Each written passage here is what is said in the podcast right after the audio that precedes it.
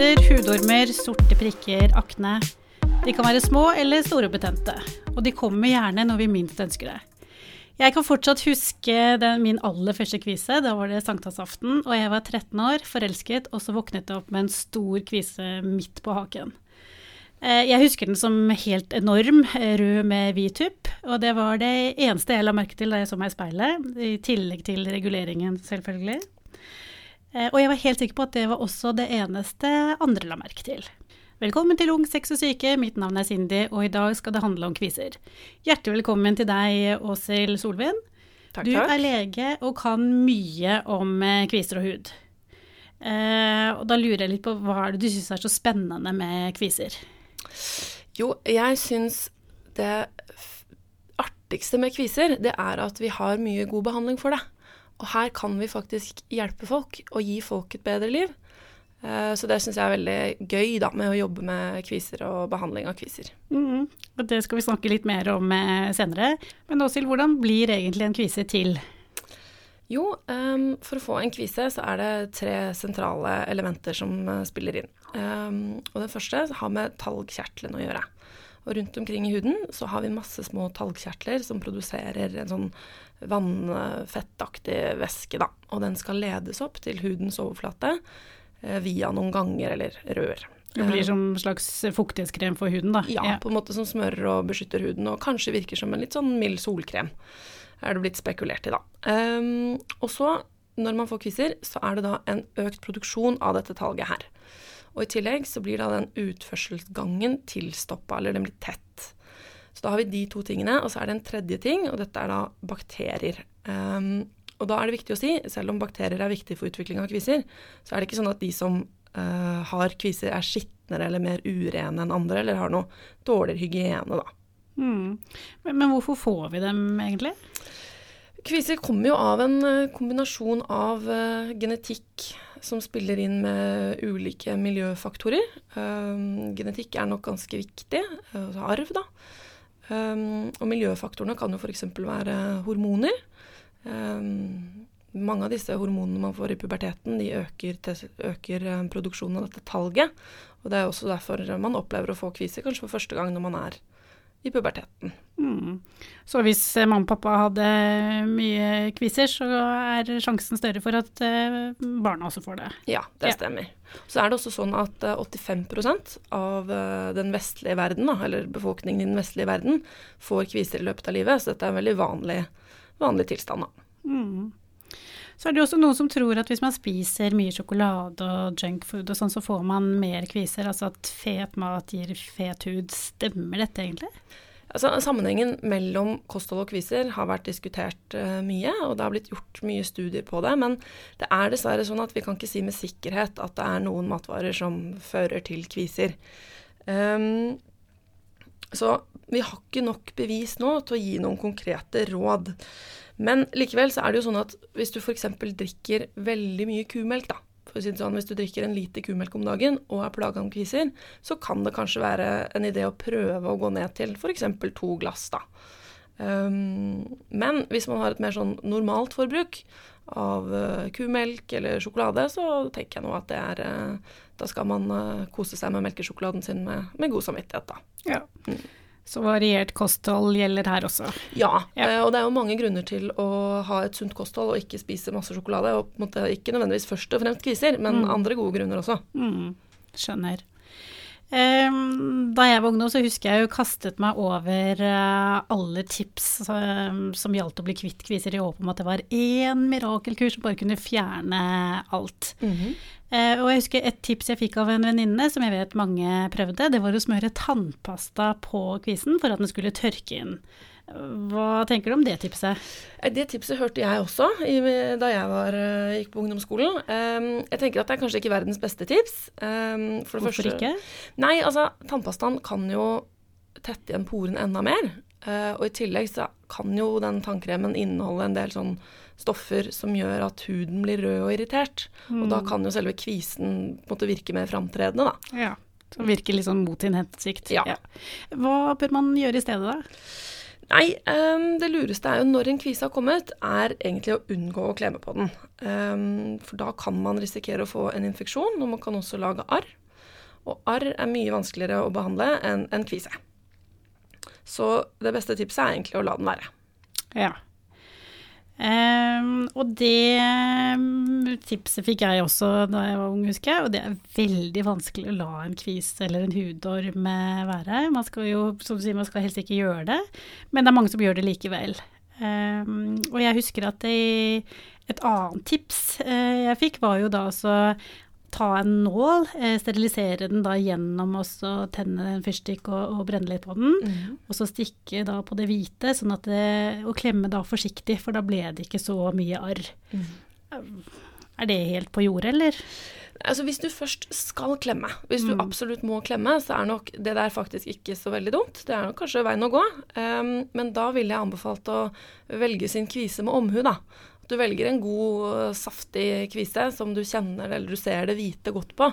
Eh, så du veit godt hva du skal stikke. Så da kan det mm. være tar du en tynn nål og steriliserer den under en eh, flamme eh, og stikker forsiktig inn. Og så klemmer ut da, og klemmer kun det hvite ut. Mm. Med rene hender. Ja, med rene ja. hender, selvfølgelig. Ja.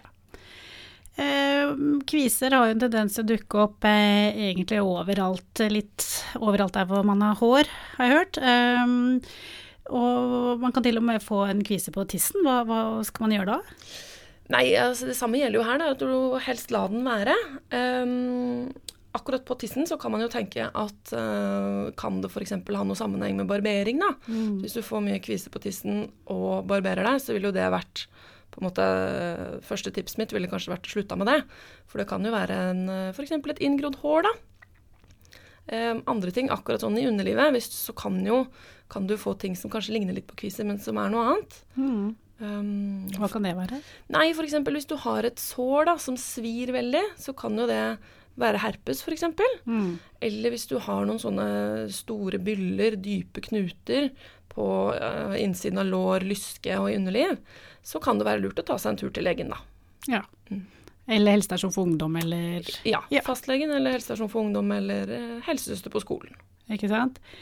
Uh, og jeg, etter hvert som jeg uh, var i ungdomstiden min, så, så forsto jeg jo at jeg hadde det som het fet hud eller uren hud. Det er jo forskjellige hudtyper. Mm. Jeg, du nevnte litt det tidligere nå. Jeg har jo aldri likt at det heter uren hud, Nei. Eh, for det syns jeg antyder at man da er mm. skitten. Mm. Mm. Og da kan man lett konkludere med at eh, jo mer såpe jeg bruker, jo renere blir huden min. Mm. Men hva skjer hvis jeg bruker for mye såpe? Jo, altså, såpe har jo en pH, som er et sånt mål på syre eller base, da, på rundt 9 til 10 mens hud har en pH på rundt 5. Så hvis man vasker seg veldig mye med såpe og vann, eh, så kan huden bli rød og irritert og litt sånn svi litt og bli litt spent, eh, som kan være ubehagelig, da. Eh, så det som er jo lurt, er å på en måte velge seg en, en rens som er beregnet for, for det formålet, da, og ikke bruke Zalo eller det vanlige såpestykket som ligger ved siden av vasken, da. Mm. Mm. Eh, og når eh, Mange prøver jo å behandle seg selv eh, først. Og det er jo en jungel av produkter der ute. Det er reklame for det overalt. Og hva skal man velge? Det er serum, det er ansiktsvann, det er mm. rensekremer, det er andre typer kremer. Noen putter jo lag på lag for at det får bort kviser. Mm. Hva skal man velge? Hva tenker du?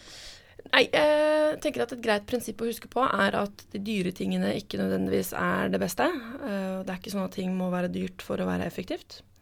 Eh, og som sagt, hvis du bruker for mye av disse greiene her, så kan jo huden bli irritert av det, og at mm. Eh, kvisene virker mer framtredende.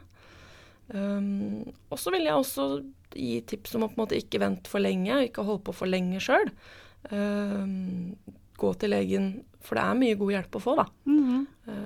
hvis, eh, jeg, eh, hvis, jeg, får noen til meg så, som er så plaget kanskje at det går utover selvfølelse, som kan ha masse kviser i ansiktet, da kanskje mm. begynner å isolere seg fra venner og sånt noe, så anbefaler jo dem å ta en tur til legen. Og hva slags behandling kan de da få hos legen? Jo, da vil man kanskje få råd om å prøve en behandling som faktisk er reseptfri i Norge. Um, det er et stoff som heter bensylperoksid. Um, som er reseptfri og kan hos mange være ganske effektivt. Så da kan man gå på apoteket og spørre om det.